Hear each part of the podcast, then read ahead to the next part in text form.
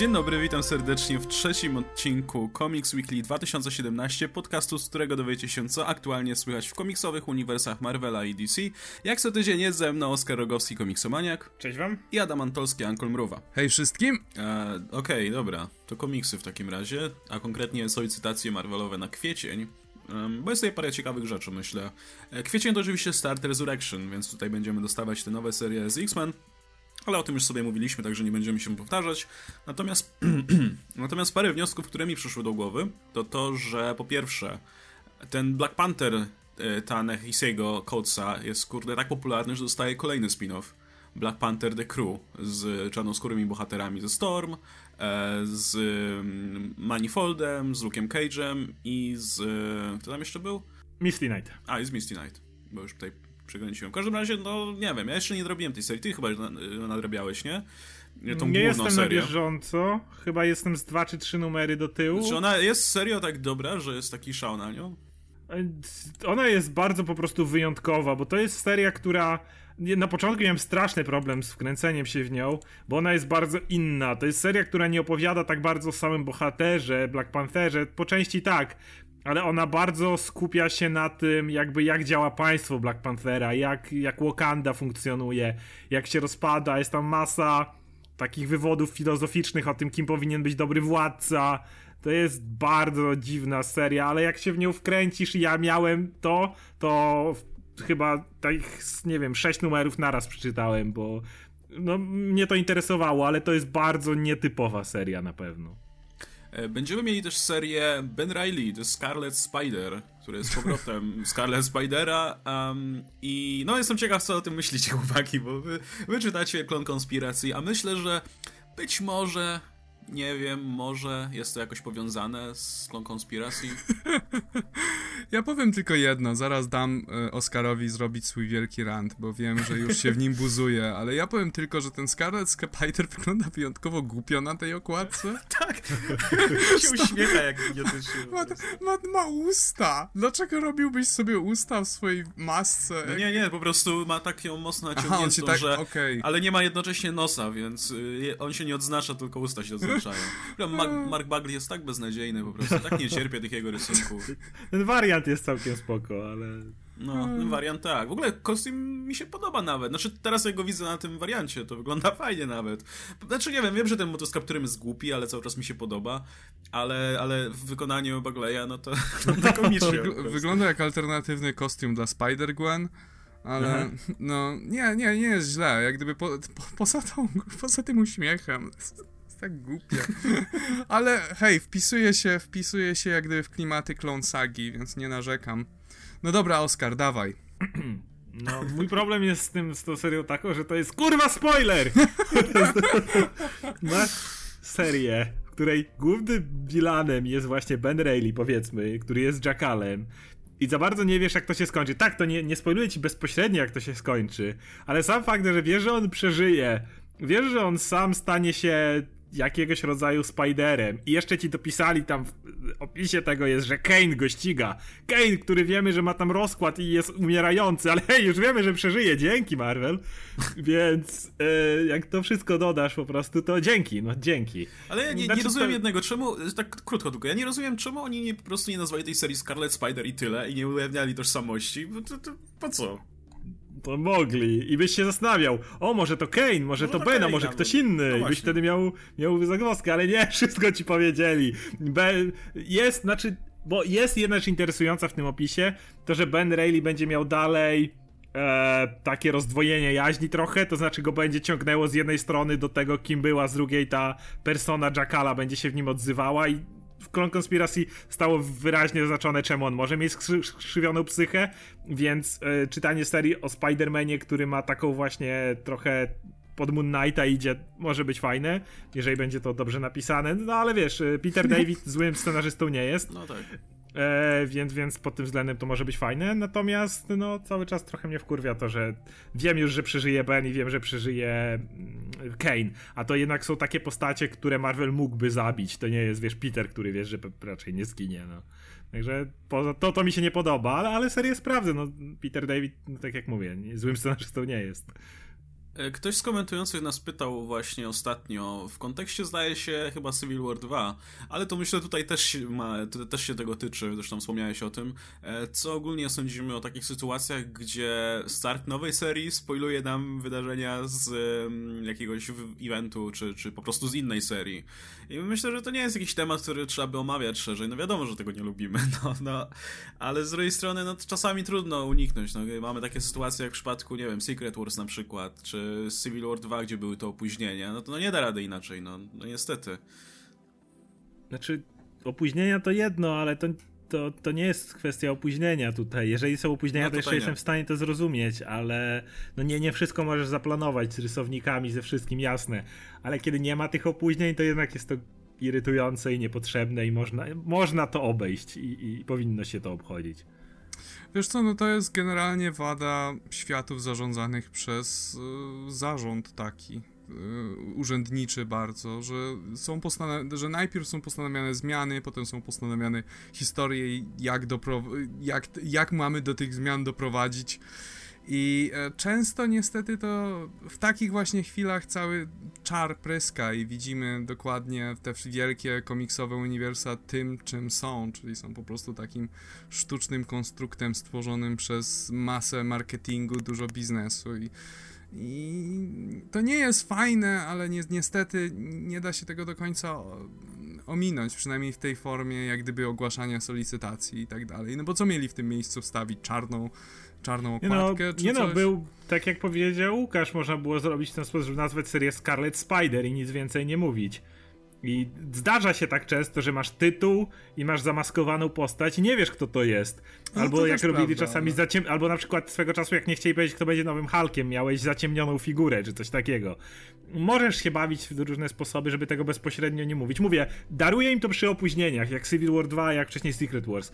Ale jeżeli masz to z góry zaplanowane, to według mnie powinni uważać z tym i mog mogli spokojnie zrobić to tak właśnie, w tym wypadku nazwać to Scarlet Spider i daliby rozkminę dla fanów, kto to jest. Ale wiesz, to, to, że to się dzieje cały czas przy opóźnieniach, to z drugiej strony ludzi przyzwyczaja i oni się czują bardziej pewnie robiąc to non-stop i nie, nie widzą w tym nic złego w tym momencie, więc moim zdaniem opóźnienia też nie usprawiedliwiają w żadnym razie, skoro e, mają taki wielki plot twist, to nie yy. powinni byli upóźniać no, z tymi opóźnieniami jest problem taki, że to, to jest zapowiedź, a opóźnieniami jest tak, że często sama kolejna historia, a oni muszą wydać kolejną historię. Nie mogą ci nawet na, na przykład nie wydawać komiksów nagle, bo event się nie skończył i muszą wydać kolejne komiksy. E, no i w tym momencie te komiksy same mogą jakby zaspoilować, a, a jeśli będziesz to zmieniał, to co, przyjdziesz do mm, scenarzysty, który ma rozplanowaną historię i mu powiesz, słuchaj, nie możesz tej historii pisać w ten sposób, bo zaspoilujesz to, co się dzieje, no to w tym momencie w ogóle rozwalasz mu jakkolwiek scenariusz, więc dlatego ja daję im, no jakby przymykam oko przy opóźnieniach, bo, bo one jeszcze idą dalej w scenariusze. Kiedy są to po prostu zapowiedzi i nic więcej, to już, to już wtedy nie daje nie, to jest tego. prawda. No. E, no właśnie. To zresztą ciekawe swoją drogą, że jak pojawił się właśnie Amadeus Cho jako Hulk, to wtedy robili z tego konspirację, gdy to nie miało żadnego znaczenia, podczas gdy tutaj ma znaczenie, to odkryli to od razu. To bez sensu kompletnie. Aha, jeszcze jedna ciekawostka. Ten wariant, który nam się podobał, to narysował Greg Land. Tak, tak, zauważyłem to. Ale nie ma twarzy, więc nie Nie właśnie, jak Greg nie, nie rysuje twarzy i wyginających się kobiet, to ujdzie w tłoku, no. Tak. Jestem e... ciekaw, co musisz wpisać w Google, żeby znaleźć do jego modela. Z którego, nie wiem, Crouching Man with Crouching food. Man on the wall. No to może być trudniej trochę. Cóż. Ja odrysował pewnie jakiś, wiesz, e, jakiś styl z jakiegoś filmu ze Spider-Manem i już. E, dobra, to jeszcze, jeszcze wracając do tych solicitacji. E, no będą też nowe serie inne, o których myślę nie wspominaliśmy, także ja tak krótko powiem, e, że powstanie na przykład Nick Fury, regularna seria z Nickiem Furym juniorem, e, juniorem. E, który, którą pisze, będzie pisał James Robinson i to jest całkiem spoko scenarzysta. Pisał m.in. E, All New Invaders, które chyba się Oscarowi podobało. Pisał ten końcówkę Fantastycznej Czwórki przed ich zakończeniem, która też była sympatyczna, także jest ok. Ale jara mnie bardziej to, że będzie to ilustrował no właśnie, ACO, tak, ACO, ACO. Nie, nie mam powiedzieć, ACO, no, ale to, no nie wiem, no w każdym razie no to jest ten rysownik, który odpowiadał między innymi, artysta, który odpowiadał za Midnightera, e, tę z DCU, także super. No i seria ma być taka szpiegowska, więc super, no. Przy tym Fury chcę dodać, że Marvel ma z nim straszny problem, bo dla cholery nie potrafią nim zainteresować czytelników. To, no, jest, znaczy to, jest, to jest ciekawa sytuacja, kiedy miałeś Samuela L. Jacksona, który jest tak popularny, a rzucasz taką postać do komiksu i próbowali go do tylu serii wrzucać. No tak, tylko która była naprawdę dobra, która była taka, żeby się polecał wszystkim no, dookoła. No, no żadna, Ale były no. niezłe. Nie, niektóre z no, tych e, Secret Avengers, nie, to się nie pamiętam jak to Secret Avengers chyba, tak, tak. były ok. Natomiast ta seria powinna być bardzo inna, spróbować naprawdę coś, in, coś, coś mus, muszą spróbować zrobić innego, bo jeżeli pójdzie to dalej w tym samym stylu, co, co były niektóre inne, to, to się nie uda, ja bo to, to sama postać nie interesuje. Mam nadzieję, że oni będą chcieli nawiązywać do Jima Steranko po prostu. To sugeruje trochę okładka z tymi komiksami, które mm -hmm. tam są na jego tle czy raczej w jego konturze. E, no plus y, artysta zdecydowanie myślę, żeby podołał temu, także mam nadzieję, że coś w tych klimatach będzie, no bo to, to musi być faktycznie taka inna seria właśnie, jak te wszystkie, no te wszystkie poboczne Marvelowe typu Moon Knight i tak dalej, żeby mm -hmm. właśnie, ona nie będzie się i tak sprzedawać jakoś znakomicie, ale może jakiś fame się rozejdzie, że jest, wiesz, że, że po prostu jest dobra artystycznie. E, poza tym Monsters Unleashed się zamieni w ongoing, znaczy zamieni się, powstanie ongoing, mniej więcej na bazie tego pomysłu z Monsters, Monsters Unleashed, o którym tydzień temu mówiliśmy mówiliśmy, ale to mnie tam jakoś nie jara specjalnie. Ja nie mam pomysłu, w ogóle nie mam pomysłu, jak ta seria ma być ongoingiem. To... Nie wiem. Będzie o chłopcu, który rysuje potwory i one walczą, Pokémon, nie wiem. Podoba mi się ten opis Infamous Iron Man 7, bo, bo jest fantastyczny. Bo to, że, w, że w, tym komiksie, w którym główną rolę gra Doctor Doom, który jest Iron Manem nowym, przynajmniej tak się określa, pojawi się Maker, który jest Reedem, Richards, Reedem Richardsem z Ultimate, który jest um, antagonistą. No i będziemy mieli trochę odwrotno e, zamiany ról. I Doktor Doom jest tym herosem, który będzie chciał udowodnić e, swoją, swoje, powiedzmy, dobre intencje i będziemy mieli Makera, który jest kompletnie popieprzonym schopatą, więc super, bardzo dobry pomysł. E, liczę, liczę że, że Bendy se dialogi napisze między nimi dobrze. Akurat Maker mu, myślę, wychodził całkiem nieźle. No, dowiemy się wreszcie, kto uwięził Eternity, to jest ciekawe wreszcie w Ultimate 2. E, poza tym, nie wiem, czy czegoś nie omijam właśnie. No nie wiem, no ja chcę dojechać wreszcie do tego ja Tora. Wiem, o jest, dojechałem mów, do Tora. Mów, Przejechałem mów, do Mighty Tora, bo mów, e, czytam ostatnio w ogóle tego Mighty Tora, nadrabiałem to, bo się zaczęła ta ich wojna w Asgardzie. Też to czytałem. Podobał e, mi się pierwszy. Bardzo mi się podoba, bardzo mi się podoba jak to jest pisane, jak to jest ilustrowane, w ogóle jest super, ale taki, do, właśnie do czego chcę nawiązać, że pojawia się tam nagle Kid Gladiator i po prostu byłem cały rozpromieniony, że się wreszcie Kubark pojawił, bo e, no bardzo lubiłem tę postać. I to ze swoją Warbird od razu. Od razu mieli tą dynamikę on i ta jego Warbird. Dokładnie, już. dokładnie. Także od razu mi tutaj e, przy, właśnie przy, przywiodło to na myśl Wolverine and the X-Men, Jasona Arona zresztą. No i teraz zostaliśmy w solicitacjach okładkę Mighty Thor 18, gdzie mamy Jane Foster i mamy Quentin Quire, który wygląda jak żywcem wzięty z właśnie Wolverine and the X-Men, ma ten swój dziwny strój, ma nawet, to jest mały skurwysyn po prostu, ma nawet tą, tą naszywkę z logo, wiesz, gangu Omega, bo to jest po prostu jedyna osoba, która mogłaby być dumna z tego, co ona wyrabiała w tym, e, w, no, u, u Morrisona w tym komiksie. No ale no, cieszy mnie to bardzo. Raz, że, że w ogóle kładnie się pojawia. Oczywiście wiem, że się tam pojawi w Generation X i tutaj zaliczy jeszcze dodatkowy występ. Dwa, że w ogóle wygląda na to, że jest, nie wiem, przy, e, jakiś e, bliższy kontakt z Phoenix tutaj. E, no wiemy, że on tam będzie hostem Phoenix kiedyś tam w przyszłości prawdopodobnie, ale tutaj, tutaj ma nawet koszulkę z logo i tak dalej. No i trzy, że Jason Aaron będzie go pisał. No to jest osoba, która po Morrisonie chyba najlepiej się z Quentinem obchodziła, także czekam bardzo. Fajnie, że, fajnie, że się będzie pojawiał gościnnie tu i tam. Najwyraźniej Marvel sobie nie przypomniał. Super. Cieszy mnie to bardzo. No dobra, nie wiem, czy coś jeszcze jest do e, omówienia. ogólnie z Phoenix będzie teraz znowu sporo, ale nie na Ziemi, bo już ile można, ile ten Phoenix może męczyć mutantów. E, natomiast będzie sporo w kosmosie z Phoenix. Masz e, Quentina, ale z jakiegoś powodu on pojawi się w Shiar. E, masz Thanosa, który obecnie w jego własnym komiksie zresztą okłada się z, z Shiar. I on też tam na, w tych licytacjach widzisz okładkę, jak on się mierzy z Phoenix. Więc będzie znowu Phoenix powróci, ale zobaczymy wreszcie trochę inne podejście do tej mocy, a nie tylko, wiesz, lecimy w stronę Jean Grey, tudzież innej rudowłosej no dziewczyny. Fajnie, że Shiar w ogóle się ostatnio pojawia. Bardzo mnie to cieszy. W paru komiksach, to jest, to jest fajna ekipa. A nie pojawiają się tylko jako, o teraz ta, ta dziwni ludzie z kosmosu, co się przypierdalają wszystko. No i im więcej tego, tym lepiej.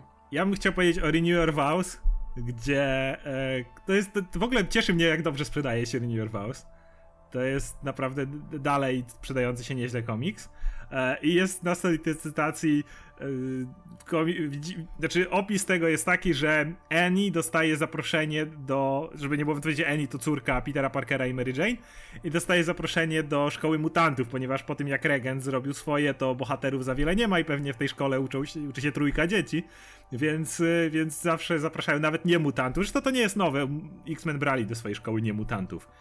I może być ciekawa dynamika, jak e, Spider-Man i Mary Jane wysyłają swoją córkę do szkoły dla mutantów. Także to chcę zobaczyć. E, no i chyba trzeba przejść do, do, do, do Venoma. O tak, do Venoma. To wiesz co, może ogólnie może powiedzmy sobie jeszcze krótko o tej serii, bo, bo też nadrobiłem te ostatnie zeszyty i powiem szczerze, że nudzi mnie to trochę, że nic, nic fajnego się nie dzieje w tej serii. Jakby ten cały konflikt y, symbiontu z tym Lee jest taki widać, trochę nic czuć. Się, nic się z nim nie dzieje, nic się no nie właśnie, rozwija w tą Tak, stronę. chodzi o to, że trochę czuć, i tutaj my będziemy mogli płynnie przejść do tematu tej solicytacji, że to jest taki placeholder do czegoś, co tak. dopiero ma, ma tak. nadejść. Tak. tak. Dopiero kiedy to ogłosili, ogłosili to, kiedy ogłoszono, że w kwietniu e, Eddie Brock znowu stanie się Venomem po wielu, wielu latach, nie wiem czy nie ośmiu, chyba z 8 lat on nie był, nie miał nic wspólnego z Venomem. 8 lat temu, czy nawet więcej, była seria, w której on postanowił sprzedać swój symbiont i, i, i od tej pory jakby zerwał e, jakiekolwiek połączenie z symbiontem Venoma. No i ogłoszono, że znowu będzie Eddie Brock Venomem. I w tym momencie natychmiast po prostu walnęło to w twarz, jak, jak wielkim placeholderem jest obecny Lee, e, jak, jak ta seria ma służyć tylko po to, żeby nie było to tak oczywiste, że z Flasha symbiont przełazi na Broka z powrotem, więc musimy dać jak, coś, coś po drodze. I, I, to widać, bo w tej serii się tak mało dzieje. Bohater jest tak mało rozwijany. Cieszy mnie tak, że dalej symbiont jest heroiczny i że jakby nie jest to wyrzucane, że, yy, że, że, jakby to, co przeszedł symbiont, dalej się liczy. I no i szacunek mam do, do Majka Kosty za to, że, że tak to wygląda. Natomiast, no, nie podoba mi się, muszę powiedzieć, to, co dzieje się z. z to, to, że wraca Venom, bo ja mam takie wrażenie, że to jest trochę jechanie na sentymencie. I, i chciałem. Ja już się o tym wypowiadałem w swoim filmiku i chciałem posłuchać, jakie wy macie na ten temat zdanie. Nie tyle w kwestii samego Ediego Broka, bo nie wiem, jakie macie podejście do tego, ale takiego właśnie trochę przywracania elementu, który może niekoniecznie pasuje do historii, która się teraz dzieje. No, to, to tutaj jeszcze zanim, zanim się wypowiecie wtrącę tylko w jakim miejscu jest Eddie Brock i Symbiont obecnej chwili. Symbiont, jak wspomnieliśmy, jest u tego Lee i jest bardzo heroiczny, nie chcę go e, jakby skłaniać do tego, żeby nie robił złych rzeczy. Natomiast Eddie Brock e, w serii Carnage, która się właśnie zakończyła, był jej ostatni numer, e, oddał Toksina, ta seria jest w ogóle tak pojebana, nie wiem, Toksin się zmienił tam w anioła światłości, żeby odegnać starożytnego boga Ktona i zniknęli. Nie pytajcie. W każdym razie sam Eddie Brock zachowuje się tam praktycznie jak kapitan Ameryka i to nie ten kapitan Hydra, ale taki wiecie, klasyczny Steve Rogers, gdzie jest w stanie wskoczyć ogień, żeby jakąś dziewczynkę uratować. Na tle całej ekipy, która gania Carnage'a, to po prostu Brock jest taki, nie, nie, ona tutaj krzywdzicie złych ludzi i w ogóle jest, jest po prostu tak bardzo dobry i to już nie ten pokręcony sposób jak był Venom, czyli wyrwiemy ci gardło, bo kranisz niewinnych, tylko taki autentycznie po prostu, no Kapitan Ameryka prawie. Więc no, teraz pytanie do was, jak wy widzicie te, takie, te, tego typu zmiany? Nie wiem, mi to się bardzo kojarzy z tym, co zrobiono z Red Lanterns. E, I Red Lanterns zaczynali jako tacy antybohaterowie, takie edgelordy na końcu wszechświata, które zawsze wszystkich, które zawsze były wściekłe i tak dalej. Przyszedł Charles Soule, kompletnie zmienił ten zespół, sprawił, że jest interesujący, rozwinął jak gdyby całą mitologię Red Lanternów i wszystko i w momencie, kiedy odszedł od tego tytułu, to DC i jak gdyby inni scenarzyści stwierdzili, że a, to będziemy pisać Red Lanternów tak jak wcześniej, dlatego, że są przydatni jako tacy okazjonalni złoczyńcy. E, no ja właśnie, ja, ja się nie zgodzę, to znaczy masz e, Ediego Broka, który jest zajebiście heroiczny, z tego co mówi Oscar. Masz Symbiont, który jest zajebiście heroiczny. No to pasuje do siebie jak po prostu jak ulał. I masz, będziesz miał heroiczną postać Venoma, który składa się z e, dobrego symbiontu i dobrego gościa, który jest pod nim.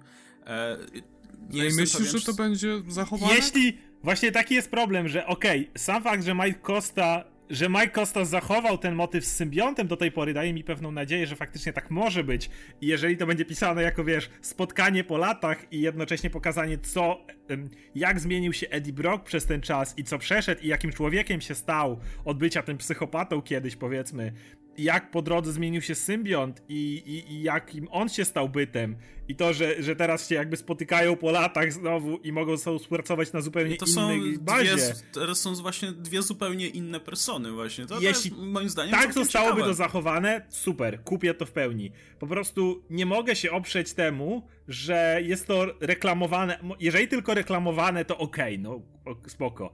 Natomiast nie mogę się oprzeć temu wrażeniu, że próbują ci wcisnąć po prostu ej, Eddie Brock i, i y, odzew fanów jest natychmiast dokładnie taki, którzy generalnie fan, fani Ediego Brocka, którzy nie są absolutnie na bieżąco z wydarzeniami, że o fajnie, zawsze lubiłem Venoma jako psychola, że fajnie, że Venom wraca tego, o Venom potwór, wraca Venom potwór, Venom psychol.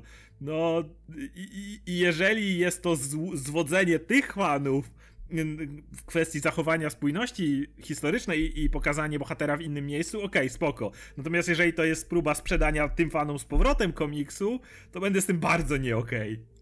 Nie no, w sensie to by było kompletnie bez sensu i jakie, wiesz, no może bym miał wątpliwości, gdyby nie fakt, że na razie w tych trzech zeszytach, jakkolwiek kiepskie by nie były, nasz pierwszy jeszcze w miarę mi się podobał, dwa pozostałe średnio, ale ten, ten wątek tego, że Symbiont jest zupełnie czymś innym niż był wcześniej, jest tak po prostu dobitnie zaznaczany za chwilę, że no, wydaje mi się, że to będzie ważny element tej historii. I mówię, sam pomysł tego, żeby te dwie jakby persony, które znały się wcześniej, ale były w zupełnie innym punkcie swoich żywotów, teraz spotkać znowu, e, po tych wszystkich doświadczeniach z zupełnie innym podejściem, no mi się wydaje ciekawy. Bardziej mi to, bardziej mnie to ciekawi niż czytanie o Flashu dalej, bo Flash mnie zaczął nudzić już w trakcie swojej solowej serii, szczerze mówiąc, tej jeszcze zanim się przeniósł kosmos. E, nie, no tak wiesz, szczerze, że po prostu nie, ale oglądanie, mnie to oglądanie, wiesz, oglądanie Venoma, który o, chce zabić Spidermana, bo go nie lubię. Jasne, że mnie to nudziło, ale w momencie, kiedy masz heroiczną postać, która wygląda jak Venom i, i przeszła tyle, w zasadzie i, i Brock, i Venom, no, no nie, mnie, mnie to bawi i mnie to ja na przykład uwielbiałem... zachęca bardziej do czytania. No. Ja na przykład uwielbiałem persony antyvenoma, bo to już było bardzo bliskie temu. Znaczy tam akurat Brock miał wielki kompleks Mesjasza i, i to było wyraźnie zaznaczone, ale w końcu to też od tego poszedł. Jakby zakończenie nawet y, serii Carnage, masz tam bardzo dużo wewnętrznych monologów Broka, gdzie on bardzo jakby akceptuje to, kim był i mówi to, że że po latach wreszcie, że zwalał całe życie na symbiont, wcześniej na Spidermana, że go tam skrzywdził, potem, że to symbiont zły, ale on jakby przyznał się już jakiś czasem przed sobą, że to był on jakby i on, wiesz, jest to słowo own up, nie, do swoich własnych czynów jakby i on to wszystko zaakceptował, pogodził się z tym, co robił i jakby wie, że że to była jego wina, więc musi być teraz inny i musi działać w inny sposób. To jest bardzo, bardzo dobitna część tej historii. Więc jeśli faktycznie będzie tak jak, tak jak chcemy, żeby było, to to jest naprawdę świetny pomysł na, na spotkanie po latach. Mój jedyny ten właśnie taki, taki niepokój jest, że, że fani widząc tę układkę spodziewają się jednego, a i czy, czy Marvel będzie miał na tyle dużo jaj, żeby pokazywać to, sprzedać im coś innego niż ci ludzie widząc tę układkę oczekują. No, myślę, że ludzie i tak kupią będzie Venom na układce, a potem może się wciągną, kto wie. Ale nie wiem, no myślę, że już za późno, żeby wracać jednak faktycznie do tego, wiesz, Venoma. E, Zapytaj o to One More Day, więc czy, czy jest na cokolwiek za późno, więc... Taką smutną nutą zakończymy. No, no, nie, nigdy nie. Komiksy pokazują, że nigdy nie jest za późno, żeby coś cofnąć. To jest taka po prostu rana, która się nigdy nie zagoi. Za każdym razem się to One More Day pojawia. Jeżeli faktycznie zachowają to, że zarówno Venom, jak i Brock będą teraz he heroiczni, ale być może będą do siebie nieufni, bo każdy będzie myśleć, że hej, ten drugi będzie zły, no to, to faktycznie jest ciekawe rozwiązanie, ale przynajmniej tak patrząc kompletnie z zewnątrz, tylko i wyłącznie na okładki, jak to jest zapowiadane i jak ludzie na to reagują, to wygląda na takie dziwne, jak gdyby nawiązywanie do ludzkiej nostalgii, że po prostu hej, robimy klasycznego Venoma, który jest zły i, i morduje ludzi i, i, tyle. Dobra, to ja bym chciał jeszcze powiedzieć w takim razie, jeśli chodzi o solicytację, o innym tytule. Cały czas wychodzi seria Power Man and Iron Fist, która jest taka sobie, nie mogę jeszcze z tym sumieniem polecić dla kogoś, kto nie kocha tych postaci. Natomiast zostało oczywiście zapowiedziane i to jest jedna z zaleta tego, o czym mówiliśmy, co się dzieje, kiedy na przykład wychodzi serial Iron Fist i wychodzi seria Iron Fist, ale kiedy ona zostaje wydana nie w y, powiązaniu z serialem, tylko po prostu zróbmy sobie coś swojego i na bazie tego, że akurat będzie głośno, to ta się seria sprzeda. To jest ta pozytywna strona. Więc jest już ogłoszone, że będzie seria Iron Fist. Jak czytałem synopsis, gdzie jest napisane, że jest Gauntlet Begins, tajemnicza wyspa, siedmiu zabójczych mistrzów kung fu, który, z którymi będzie musiał tam walczyć Dany, to to jestem tak podjarany. Ja tak kocham serię Iron Fista, które są takie właśnie, takie oldschoolowe, wiecie, y, chińskie, jacyś mistyczni mistrzowie, jak była ta seria Immortal Iron Fist, gdzie była wielka, wielki turniej na arenie i tam różni przedstawiciele miast i innych stylów walki. Więc w momencie, kiedy piszą o siedmiu zabójczych mistrzach na odizolowanej wyspie, co oczywiście nie ma nic wspólnego z serialem, to ja jestem absolutnie kupiony tego typu historiami. No i ponownie pisze to scenarzysta, który do tej pory raczej udzielał się w Image na przykład, gdzie publikował niezależne rzeczy. Także dal, dalszy trend trwa. No I ostatnia rzecz, chyba ostatnia z tych solicytacji, a nie, przedostatnia. E, Daredevil, chciałem powiedzieć, że będzie wreszcie wyjaśnione, jak on wyje, wreszcie zapowiedziano i tak się skończył ostatni numer, to od razu można odbębić, że Daredevil wreszcie powie, jak w końcu wyprał wspomnienia ludziom i dlaczego podpisał kontrakt z Mephisto. Nie, że żartuję. Tego, tego jeszcze nie zrobił zrobił. Ale jak się stało, że ludzie zapomnieli o tym, że Matt Murdock i Daredevil to ta sama osoba.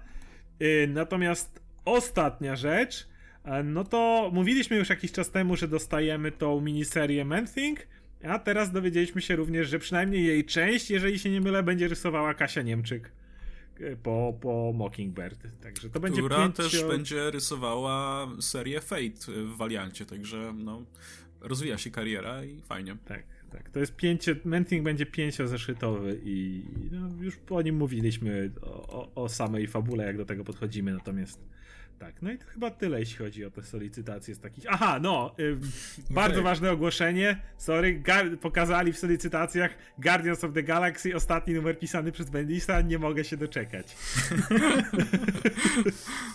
tak, ja. czekamy, czekamy niewątpliwie. No dobra, to możemy w takim razie przejść do komiksów, a działo się sporo i najwięcej dzieje się w obozie, w Marvelu, w obozie Kapitana Ameryki, Steve'a Rogersa, bo raz, że cały czas trwa oczywiście jego seria, gdzie jego e, plan, powiedzmy, e, przejęcia Hydry i zrobienia z nią czegoś dobrego, w jego mniemaniu przynajmniej, e, zbliża się coraz bardziej do e, finału, powiedzmy.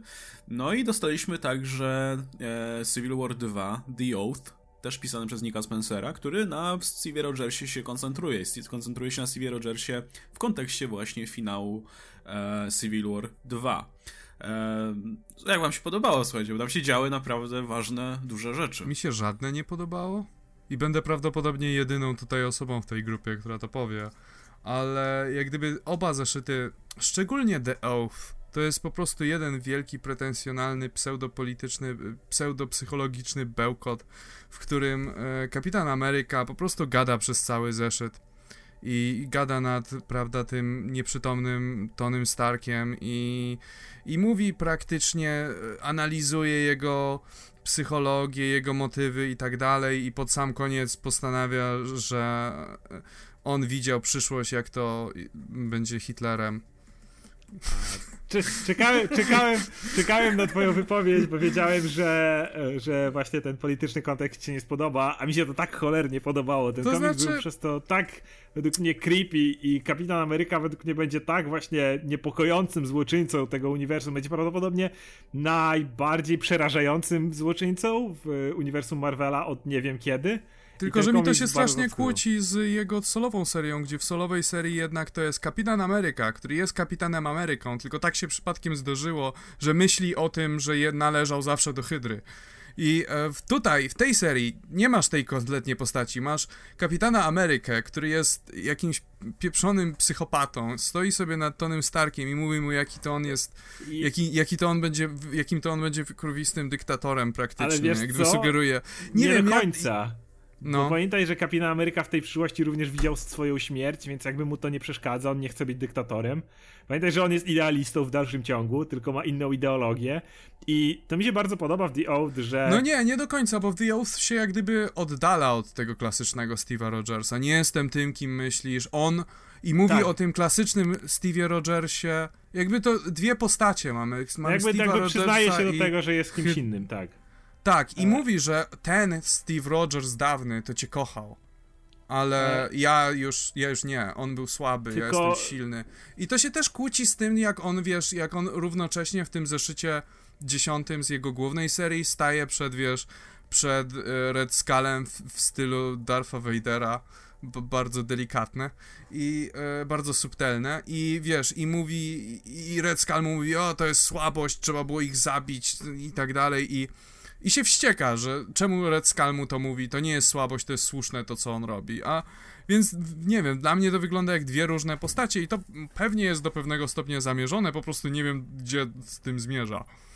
Ja jeszcze widzę jedną rzecz w The Oath, która mi się bardzo podobała. Pomijając cały ten, e, ten tą, tą intrygę Steve'a Rogersa, która jakby wynikła z jego normalnej serii, gdzie on znalazł się w punkcie tak wielkiej władzy dzięki swojej intrydze i jakby, że z punktu widzenia z zewnątrz on jakby nigdy wcale nie chciał tej władzy. I skoro powiedziałeś o Gwiezdnych Wojnach, to tak, ale Steve Rogers nie przypomina mi Dartha Vadera, co właśnie Imperatora. I to jego przemówienie o tym, kiedy on staje przed lu- ludźmi i mówi, jak on bardzo nie chciał tej władzy i że chętnie ją odda, jak tylko to będzie konieczne, to mi się kojarzy z tym, jak Imperator zrobił Imperium i zmienił Republikę w Imperium. I to, to bardziej w tą stronę zmierzając. Natomiast co mi podobało się, to jak czytałem tę wypowiedź e, Steve'a Rogersa, ona była kurewsko niepokojąca, ale nie tylko dlatego, że, że mamy tę nazistowską wizję przyszłości z Hydrą, która mm, no, trzyma ludzi pod bronią i mamy obozy koncentracyjne i tak dalej. I to jest jakby przerażające samo w sobie, natomiast według mnie najbardziej przerażające było w tym, że Steve Rogers nie, nie, jakby miał bardzo, ma bardzo złe, y, bardzo okrutne i straszne to, co chce zrobić, ale jakby przyczynę, dla którego poprzednio bohaterowie spieprzyli, idealnie im wytknął jakby. Wszystko to, co on mówi o tym, dlaczego bohaterowie są chujowi, dlaczego mm, do tej pory to nie działało, jest prawdą. To jest oczywiście cały czas e, jak najbardziej e, ma polityczny aspekt, to jest absolutnie komentarz polityczny odnoszący się do e, dotychczasowych elit jakby rządzących, które bardzo od odcięły się od, od rzeczywistości w pewien sposób i to jest powód, dla którego w Stanach Zjednoczonych, czy w ogóle na świecie, m, trochę zmieniają się teraz ustroje i trochę zmieniają się trendy. I to jest. Nie to powiedziałbym, że absolutnie- się zmieniają ustroje przynajmniej No może na nie, nie, nie ustroje, ale jakby, no dobra, trendy na pewno się zmieniają pewne. E, I to, to jest. To jest absolutnie komentarz polityczny, ale on pasuje również do bohaterów, jakby w tym miejscu, bo bohaterowie, jeżeli na tym zastanowisz, nawet pomijając Civil War 2 Bendisa, które było jakie było, jakby te wszystkie zarzuty, które im stawia kapitan, możesz już widzieć dużo wcześniej. I, i to jest najbardziej niepokojące według mnie i, i, przy okazji dobrze zrobione od ze strony Spencera, że jednocześnie widzisz, jakie to jest straszne, co on mówi, ale jednocześnie jak w dużej mierze jest prawdziwe.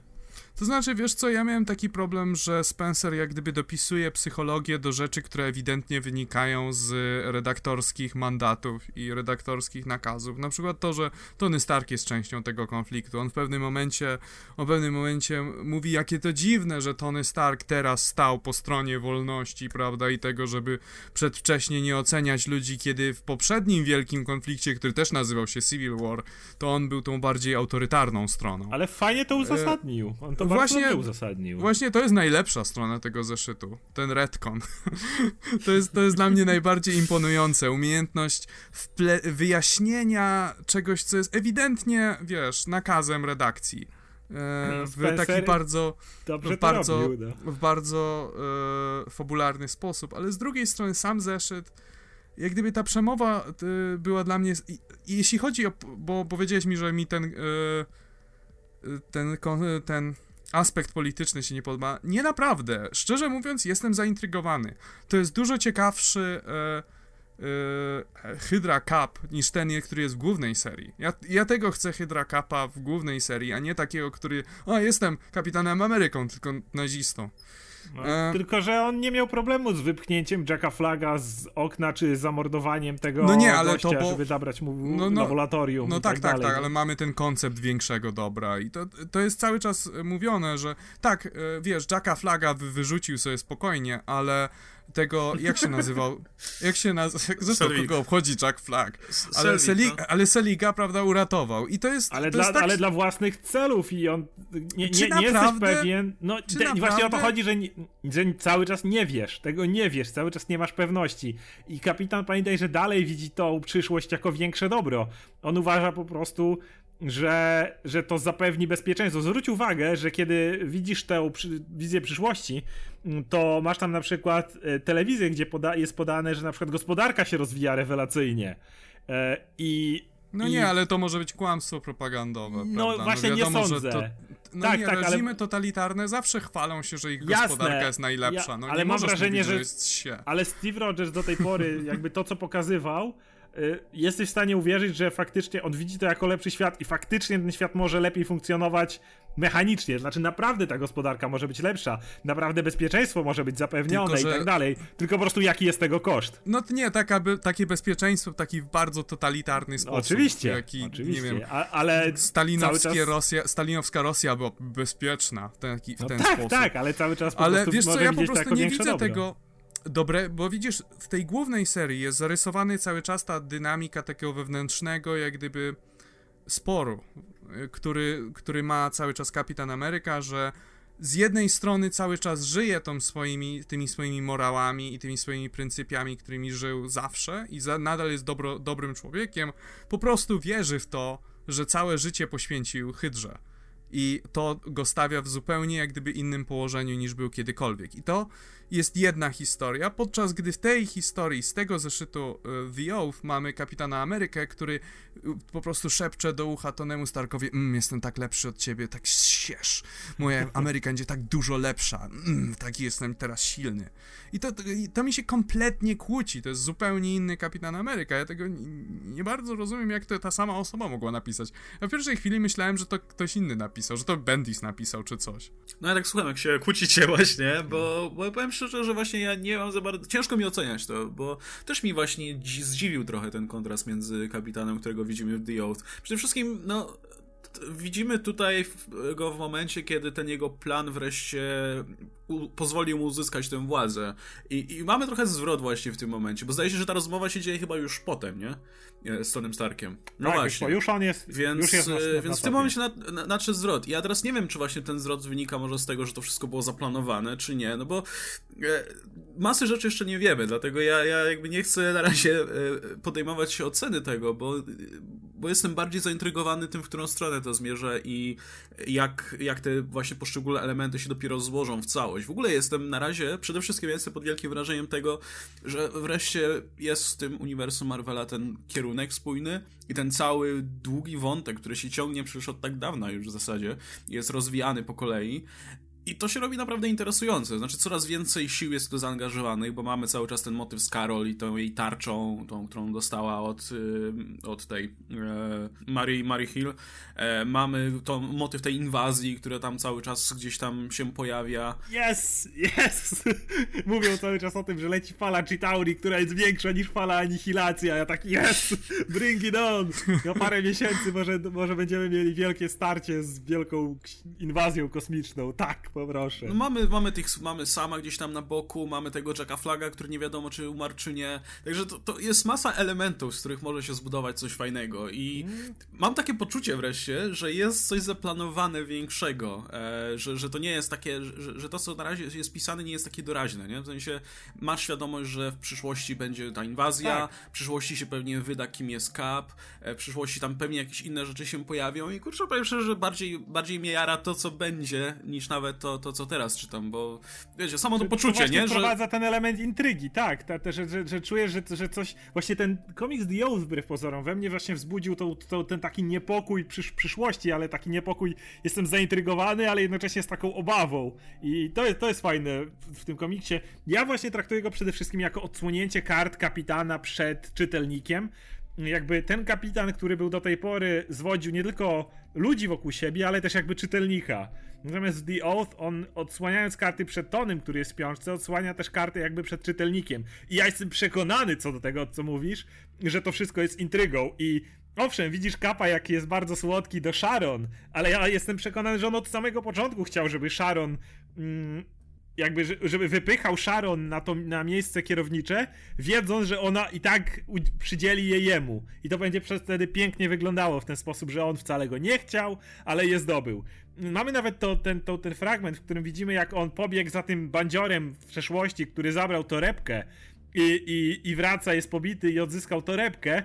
Jestem po prostu pewien, że w którymś momencie Spencer pokaże, że to było ustawione, że to był kolejny pomysł w rodzaju ej, pokażmy doktorowi Selwigowi, że jesteś heroiczny i odzyskałeś torebkę, bo to jest ten moment. No tak, więc... tylko że to, wiesz, z jednej strony, w momencie, kiedy ogłosili Hydra Kappa, to było wielkie oburzenie na internecie, wszyscy pamiętamy te dramy, jak wszyscy się, że o, niszczą Kapitana Amerykę i teraz Kapitan Ameryka będzie nazistą i wszystko, co do tej pory wierzył, to jest kłamstwo. I wtedy Nick Spencer powiedział, zaufajcie nam.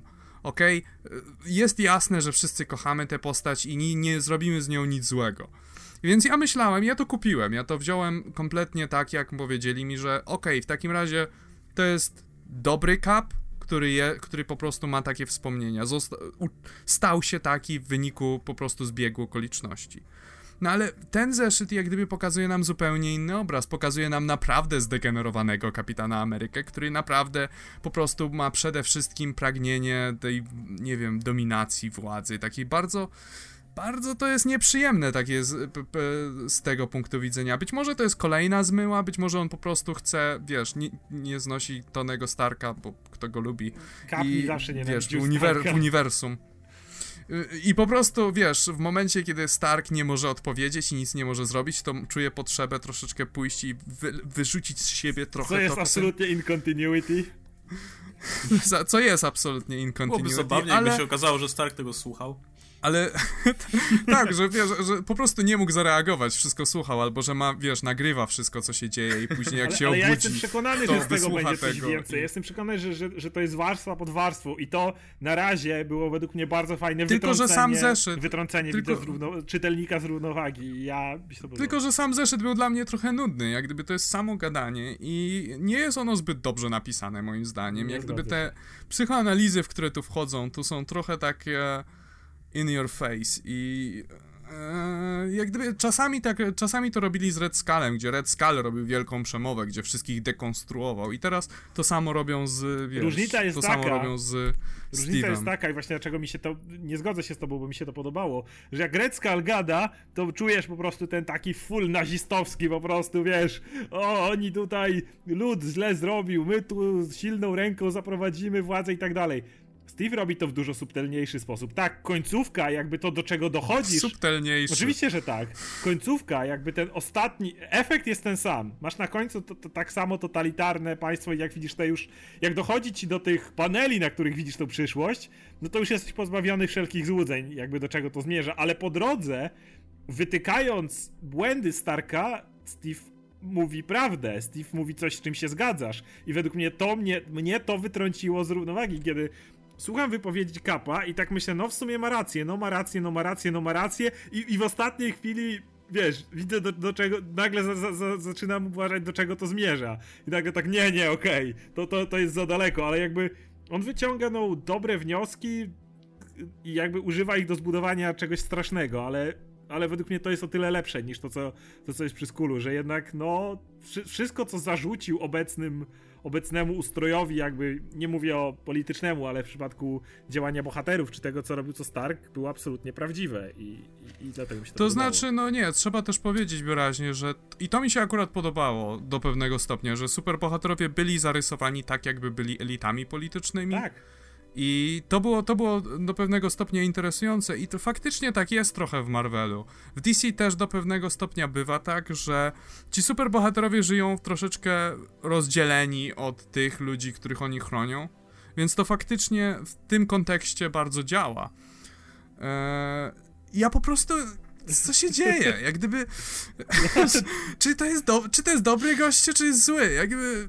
That's the point! No, ale w tym rzecz właśnie. Nie, ja wiem, ja wiem, że wiem, że to jest mocna strona tego komiksu. Po prostu wiesz, dla mnie to jest. Zaczyna się robić zbyt frustrujące, A. dlatego że już mamy tą serię, która miałaby to. która, o, która konsekwentnie przynajmniej jak na razie, przynajmniej ja to tak odczytywałem, konsekwentnie przedstawiała Steve'a Rogersa jako no, dobrego gościa z, nie pod złym wpływem. Ja, ja, bym powiedział raczej, że z każdym kolejnym zeszytem to się trochę zmieniało. To znaczy, początek miał, znaczy pomijając oczywiście ten zwrot akcji i tak dalej, że na początku faktycznie było tak, że on był przedstawiany jako dobry gość, który po prostu ma lekko zmodyfikowaną pamięć, ale te ostatnie zeszyty myślę, że idą w parze z tym, co było w The Oath.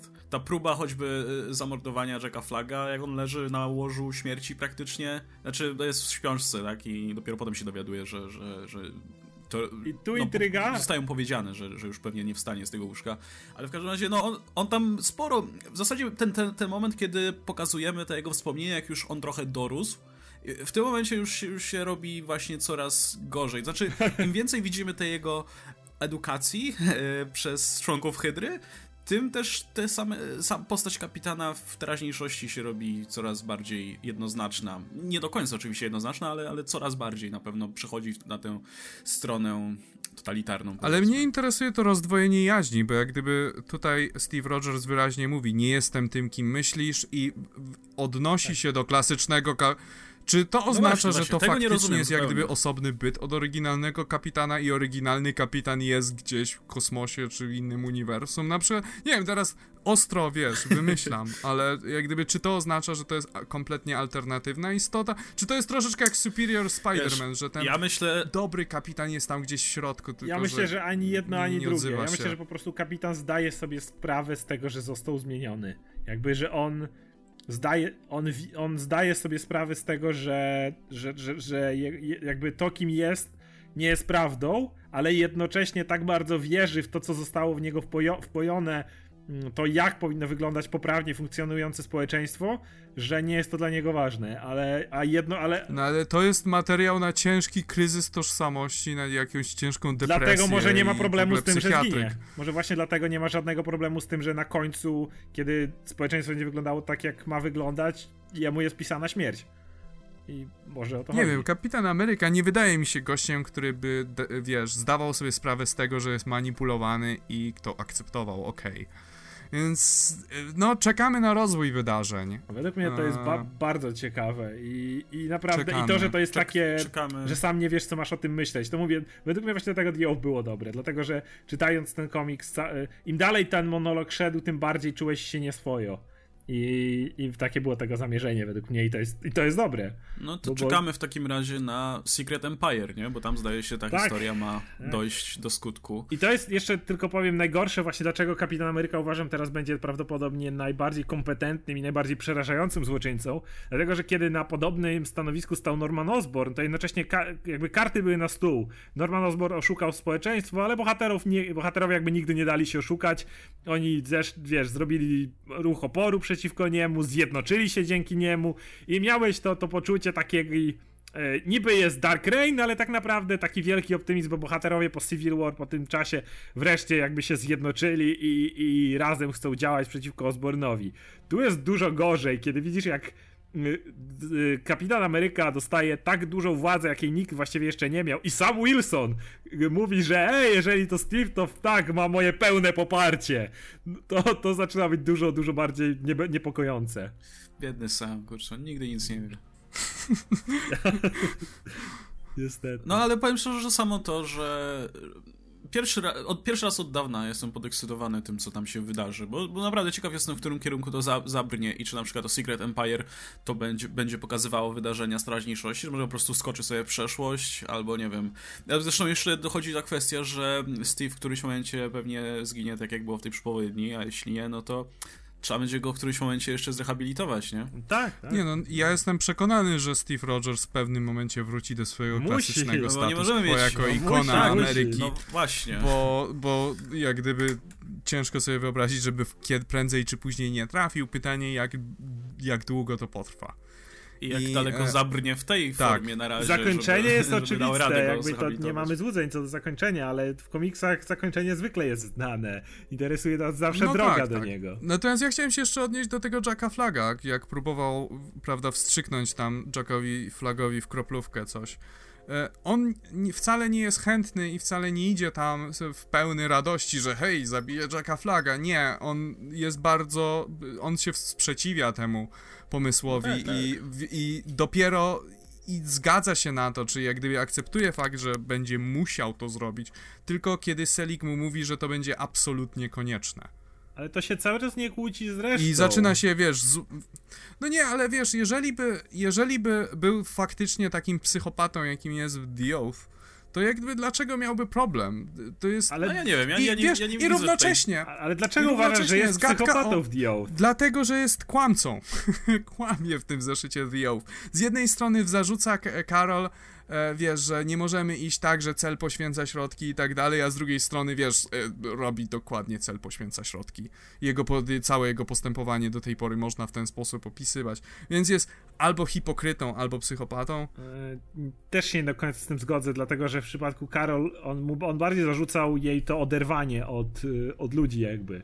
I No nie, zarzucał jej wyraźnie, że nie możemy tak robić, że wiesz, że popatrzysz na końcówkę wydarzeń i oddzielasz kompletnie moralność od tego. On, on się odnosił do Ulyssesa w ten sposób. I działanie e, Kappa dokładnie jest dokładnym odbiciem, jak gdyby Karol, tylko na, wiesz, na taką większą, bardziej polityczną skalę. mi się wydaje, że bardziej, nie wiem, mogę się mylić, możesz mieć rację oczywiście. Więc ale- on, wie, więc z tego co ja tu widzę, teraz mam przed sobą komiks i się po prostu mądrze, ale e, wydaje, ale odnoszę wrażenie, dlaczego powiedziałem, że jest psychopatą, bo on wyraźnie manipuluje tutaj Karol. On wyraźnie stawia ją w takiej pozycji, że ona, za, ona zaczyna myśleć nad swoim życiem i nad swoją działalnością ponownie. Jak gdyby, a podczas, wiesz, gdy, podczas gdy on po prostu chce ją ustawić w takiej pozycji, która by była dla niego wygodna. Znaczy to, to że on Psy- wszystkimi psychicznie. manipuluje jest pewne. Mi, mi bardziej wydaje się, że kiedy on mówi o, o tym celu, który uświęca środki i tak dalej, chodzi mu trochę bardziej o to, jak, e, jak jesteś przedstawiany, jakby jakimi metodami, nie wiem, jakby to powiedzieć. Mam wrażenie, że, że jest co innego, kiedy robisz to w jego głowie, kiedy robisz to, tak powiem, jawnie, a kiedy robisz to że tak powiem, na swoje konto, jakby, na, jakby on cały czas odnosi się do tego, że on widzi na końcu siebie jako, jako męczennika, jakby osobę, która może na końcu zginąć, e, więc jakby jego konto może być totalnie spalone. E, Nie, nie, nie, nie, nie. I tutaj cytuję i będę tłumaczyć Da- na żywo, dajesz. więc pozdrawiam braci Jankowskich tutaj. Może to wytnij lepiej, ale w każdym Nie. razie mówi, mówi, mówi coś takiego, że y, to jest dokładnie to, co zrobiłaś z Ulyssesem. Wydaje ci się, że jest pewne, pewien wymiar efektywności, który pozwala ci e, efekty, który pozwala ci rozdzielić rozwiązanie od moralności tego działania. Że je, wiesz, czyli, czyli wydaje ci się, że jeżeli cel jest taki, cel będzie dobry, to wszystko, co zrobimy do osiągnięcia tego celu jest dobre. I on wyraźnie to krytykuje i nie, nie ma tutaj żadnej tutaj szarej strefy, którą ty opisujesz.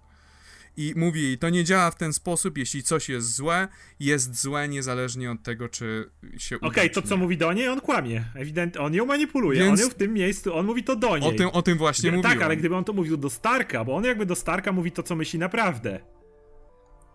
No tak, no bo teoretycznie do Starka nie ma powodów, żeby Tak, kłamać, więc on, ale on nie Stark mówi tego do Starka, on mówi to do niej. Nie, ja mówiłem, ja mówiłem do Karol. Więc aha, no to, to, początku, to, że to, mówię, dlatego... to, to jest absolutnie, i że- no to jest po to, i żeby wiesz, ją i- manipulować, to, to, to nic w tym dziwnego nie ma, on, ca- on okłamuje całą masę ludzi.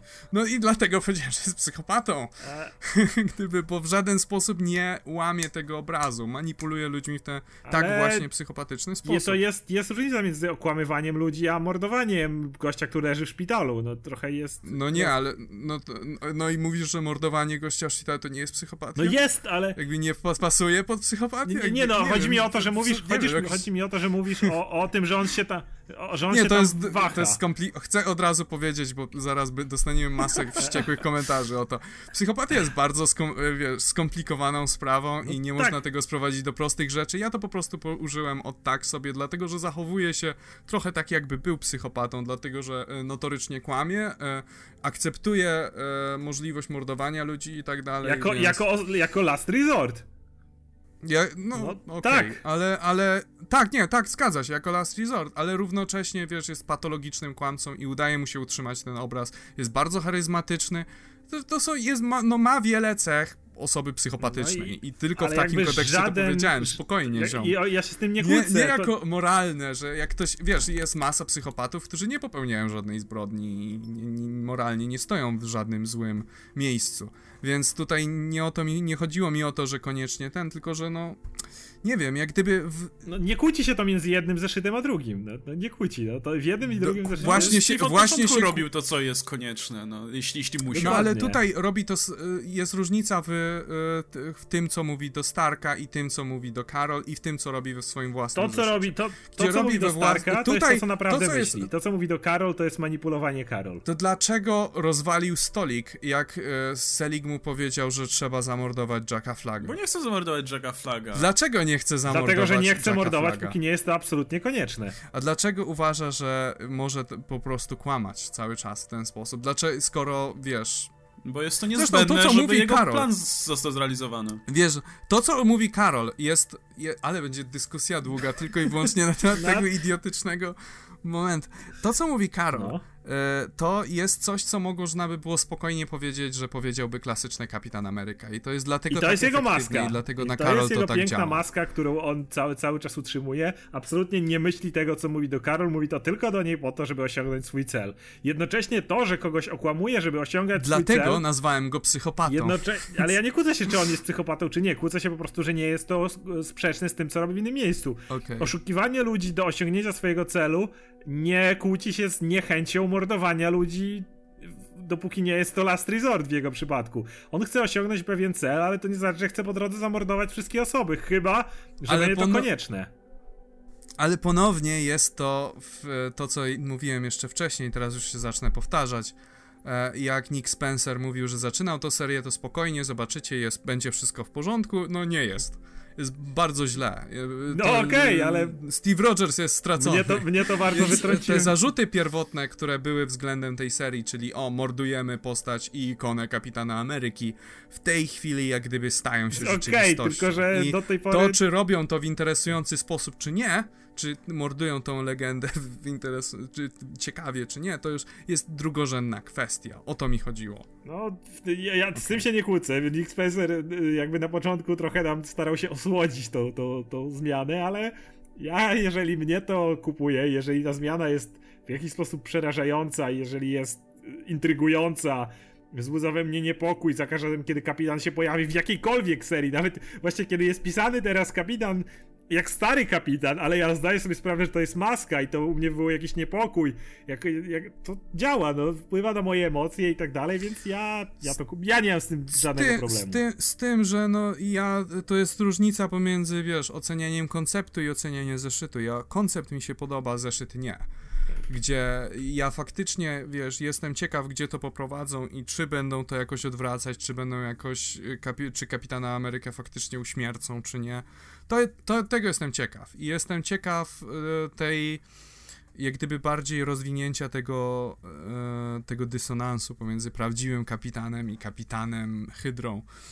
I, e, i tak, tego jestem ciekaw. Natomiast sam zeszyt był deko nudny, a przynajmniej na, sam- pod sam koniec się zrobił Ja- ja ciekawy, jeszcze- tak naprawdę dla ja jeszcze mnie. na końcu... Ja się w ogóle nie spodziewałem, że to okej, no dobra, to I chcę tylko powiedzieć, że na końcu chcę jeszcze dodać dwie rzeczy, które mogą zaintrygować słuchaczy na przykład. Pierwsza rzecz to oczywiście Jack Flag, największy hero z Marvela.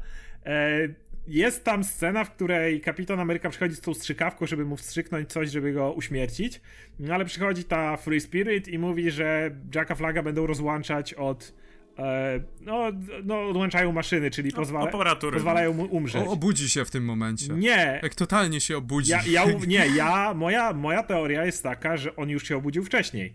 Wszystkie dane Selwiga wskazywały na to, że flag się regeneruje, że on jest gotowy obudzić się i dlatego, Dlatego trzeba było i go dlatego zabić. trzeba było go zabić. Aha. Więc moja teoria jest taka, że on się obudził wcześniej i razem z Free Spirit i nie wiadomo kim jeszcze dowiemy się, że jest jakaś druga konspiracja, żeby odkryć o co chodzi Rogersowi, bo to było zbyt dziwne, pomijając fakt, że zabili go poza kadrem, nie, że Jack Flag jest postacią, której nie można zabić za kadrem, ale, ale jakby w idei tego... Zniknął No na właśnie, ile? 10 ale lat? jakby, wiesz, w idei tej fabuły, jakby w idei tego, tej, tej historii jest to zbyt ważne, żeby go uwalić poza kadrem.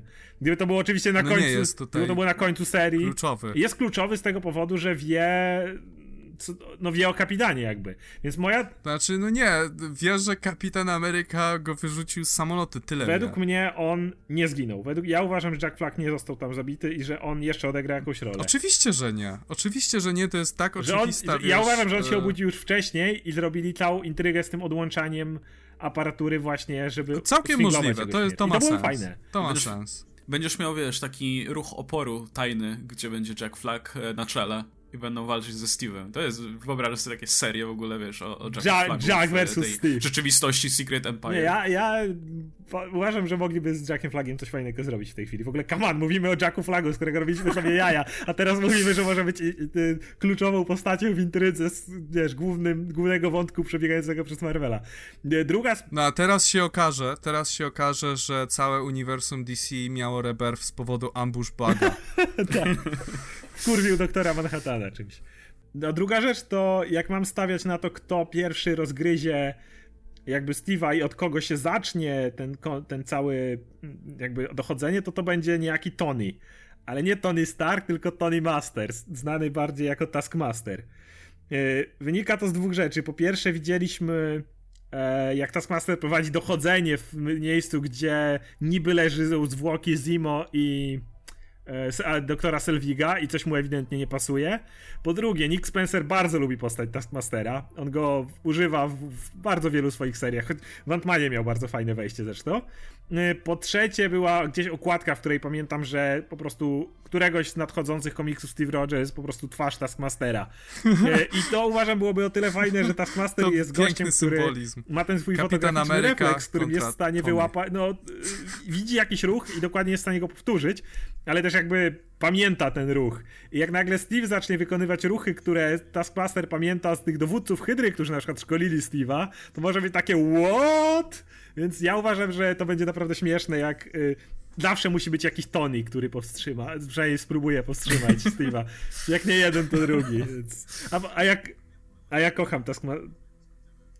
Tony. No, a ja uwielbiam Taskmastera, jest tak pocie pocieszną postacią, że, że chętnie zobaczę go więcej. No, myślę, że nie bez powodu nagle, nagle się pojawił tam w tej bagali czy gdzieś i, No. e, i, i, zaczął węszyć, nie? Mm, Prędzej czy później coś z tym się okaże. A ja, tak- ja tylko jeszcze podsumuję tę, na koniec tę dyskusję, e, że kurczę, powiem szczerze, że mnie trochę wzięli z zask- zaskoczenia tutaj, bo jasne, że to, tak jak mówiłem, było to trochę gradacyjne, przynajmniej z mojej perspektywy, że, że im, im dalej w las, tym bardziej ten Kapitan Ameryka się robił niepokojący, ale nie spodziewałem się, że pójdzie w tą stronę. Spodziewałem się, że jednak będą się trzymać bez tej bezpiecznej linii, że no, ten kapitan ma zmienione wspomnienia, ale ogólnie to dalej jest tym herosem, którego lubimy, tylko że zrobi z Hydry dobrą organizację i będzie konkurował z S.H.I.E.L.D. Też tak myślałem. Się spodziewałem, że w tym Też kierunku tak pójdzie. myślałem długi czas. A tutaj nagle dostajemy informację, tutaj nagle w przeciągu tych dwóch, powiedzmy, zeszytów, ostatniego kapitana i teraz e, The Oath, dostajemy informację, że kapitan zostaje nowym szefem Hydry. Mało tego jeszcze ma, e, Hydry, S.H.I.E.L.D., do tego ma jeszcze większe, mm, powiedzmy, większe możliwości, tak, więcej mocy niż, wcze- niż wcześniej którykolwiek z dyrektorów. E, tak nagle. I no, no propsuję, kurczę, to, że jeszcze jest w stanie mnie cokolwiek tutaj zaskoczyć. Tak. Tak. jak mówię, czekam, czekam dalej na po prostu to, co się wydarzy, bo raz, że Cap, ale dwa, że mówię, masa dobrych rzeczy się dzieje w uniwersum Marvela, ciekawych rzeczy, bo jest jeszcze przecież obok cały ten wątek z Thanosem, który umiera, jest, yy, tak jak mówiłem, jest ta inwazja i tak dalej, mamy jeszcze tych młodych herosów, którzy pewnie też będą zyskiwać na znaczeniu, także no, no dobrze jest, no, na razie. Rozumiem, że na tym kończymy, tak? Yy, Ten, ten Tak, temat tak. przynajmniej. Dobra, to może coś o DC byśmy powiedzieli, bo trochę głupio tak Commandy Challenge? Może Power Rangers, E, które było pytane. Może Power Rangers, bo chyba to ludzie chyba bardziej Bardzo na to czekają. Czytałeś w ogóle Power Rangers Justice League? Nie, zacząłem czytać i mi się wydało strasznie słabe, więc przestało. To, tylko ja przeczytałem. No dobra, to tak krótko w takim razie, żeby tylko odhaczyć, że czytaliśmy, przynajmniej ja czytałem. E, mi się nawet podobało. Ja mówię, ja nie jestem fanem Power Rangers, więc mam ich trochę gdzieś, ale z uwagi na to, na Taylora stwierdziłem, że przeczytam. I był sympatyczny całkiem. No, no to pierwszy zeszyt, no to wiadomo, trzeba było wymyślić sposób, jak przenieść Power Rangers do świata e, DC, lub odwrotnie, ale tutaj akurat w ten sposób poszło. No i trafili. Było parę fajnych dialogów, było parę dowcipów. Skończyło się na tym, że jak to ładnie zostało ujęte, Batman został porwany przez wielkiego różowego pterodaktyla robota. Więc cool. E, to będzie taka, będzie oczywiście taka luźna seria z masą po prostu dziwnych interakcji między bohaterami. Myślę, że fani Power Rangers będą się lepiej przy tym bawić, ale interakcje między członkami Justice League nie było ich tutaj dużo i w dosyć ograniczonej liczbie tutaj występowały, ale i tak podobały mi się po prostu o niebo bardziej niż, niż to, co jest normalnej Justice League. Aż sobie zamarzyłem, co by było, gdyby Tom Taylor pisał w ogóle Justice League. Byłoby fajnie ale ogólnie sympatyczne. No myślę, że wrócimy do tego tematu za jakiś tam czas. Może się prze ten, może się prze, jakoś przekonacie i przeczytacie coś więcej, a jak nie, no to nie wiem. Ja, ja planuję jeszcze pośledzić trochę to, może coś z tego fajnego wyjdzie. Eee, I było Commandy Challenge. Tak, Inspirowane Challenge Jackiem jest bardzo. Kamandi Challenge to bardzo fajny pomysł, bo jest to no challenge, taki w bardzo YouTube'owym stylu właściwie. Dlatego, że no to, i tak jak to tłumaczy Dan Didio w swoim posłowiu, oni mieli bardzo przez lata DC dostawało bardzo wielu próśb od różnych scenarzystów, którzy chcieliby się zająć Kamandi. I Kamandi jest klasyczną postacią Jacka Kirby'ego, którą stworzył dla DC. Kamandi to taki e, zrzynka z planety małp praktycznie. Chłopiec, e, który trafia do świata, gdzie są same zwierzęta. Tak. Tak, i to jest postapo w ogóle. No. I e, z racji tego, że nigdy no, DC nie będzie wypuszczać 10 serii o Kamandim czy coś w tym stylu. Więc. Nawet więc, jednej nie chce wypuszczać, więc. Nawet no. jednej nie chce, więc padli na taki pomysł, że zrobią miniserię i każdy, każdy zeszyt będzie pisany przez innego scenarzystę. I cały zamysł tutaj tego challenge'u polega na tym, że scenarzysta jednego zeszytu pod sam koniec musi, musi zakończyć na cliffhangerze, jakimś potwornie trudnym do ucieczki. Jako zasadzka dla następnego scenarzysty, który ma, od, który ma jakoś Kamandiego po prostu wyciągnąć z potrzasku. I w tym, w, tym zeszy, w tym zeszycie mamy dwie historie. Y, jedna jest, y, jedna jest pisana przez Dana Didio i kończy się tym, jak Kamandi walczy z, y, walczy z wielką małpą. E, a e, druga jest pisana przez Dana Abneta i ta historia Dana Abneta, nie wiem czy mam spoilować, nie, spoiluję, bo to w sumie no, na tym cały, za, cała zabawa polega. E, historia Dana Abneta kończy się tym, że znaleźli bombę atomową. Te I, zwierzęta Tak, te zwierzęta tygrysy. znalazły, tygrysy znalazły bombę atomową i postanowiły ją odpalić, dlatego że to jest, wiesz, Bóg przemówi. Bóg. I, I Kamandi jest jedyną osobą w całym tłumie, która wie, co się dzieje. I, I oczywiście się... wszystkie, wszyscy, wszyscy go traktują jak zwierzę, no bo... Tak, no bo... nie? No bo tak, ja ludzie, przecież ludzie nie mówią, ludzie to zwierzęta. I e, tak, nie wiem, strasznie mi się podoba ten, ten koncept, szczególnie, że wiesz, jak wiele klasycznych komiksów Jacka Kirby'ego kończyło się na takich bezczelnych cliffhangerach i nie wiesz, co się stanie za, za skup za tydzień. Stay tuned. Tak, i o ile historia Dana Didios się ostre jajca, no. jest beznadziejna. To, że Jack Kirby się tam pojawia, to jest takie tak. gruticious e... po prostu, że... Nie, pierwsza historia opowiada o tym, że Kamandi jest chłopcem na normalnej ziemi, tylko że wszyscy są robotami tak naprawdę. I łącznie z Jackiem Kirbym, który jest jego jakimś sąsiadem czy czymś. Takie co? No ale, no ale akcja, ale to jest, y, ta pierwsza historia jest tutaj tylko po to, żeby no rozpocząć, bo ktoś musi zacząć i kto inny miałby zacząć, jak nie ukochany Dan Didio wszystkich. E, natomiast już druga historia Dana Abde jest świetna. Jest, akcja idzie cały czas, nic nie zwalnia, dostajemy pięknie zarysowany ten świat, i wiesz, jak działa ta kultura tych tygrysów i tak dalej i no i czekam po prostu, jak to się dalej rozwinie. E, za tydzień będzie to Peter Tomasi, zdaje się, to tak, też bardzo tak, tak. czekam. E, ja jeszcze dodam tylko, że ta pierwsza historia jest ilustrowana przez e, Keitha Giffena chyba, tak? On tam też porysował to, zdaje się. I pewnie pomagał przy pisaniu, znając życie. E, I Scotta Koblisza. I, i ta, ta historia jest taka bardzo inspirowana stylem Kirby'ego wizualnie. Nie jest to niestety ta taka słynna kanciasta kreska, ale jest sporo podobieństw powiedzmy. Chociaż Scott jest Koblish nie za bardzo... wizualnych. Scott, tak, Scott Koblish nie za bardzo umie rysować te kropki Kirby'ego, te Kirby Crackles, Tak, tak. takie czarne, czarne kropy, które przyjrzyjcie się, jak nie, nie, nie kojarzycie o co chodzi, rysunkom Kirby'ego. Jak gdzieś są jakieś, nie wiem, pola siłowe, jakaś energia, kosmos, cokolwiek, zawsze są takie kropy czarne.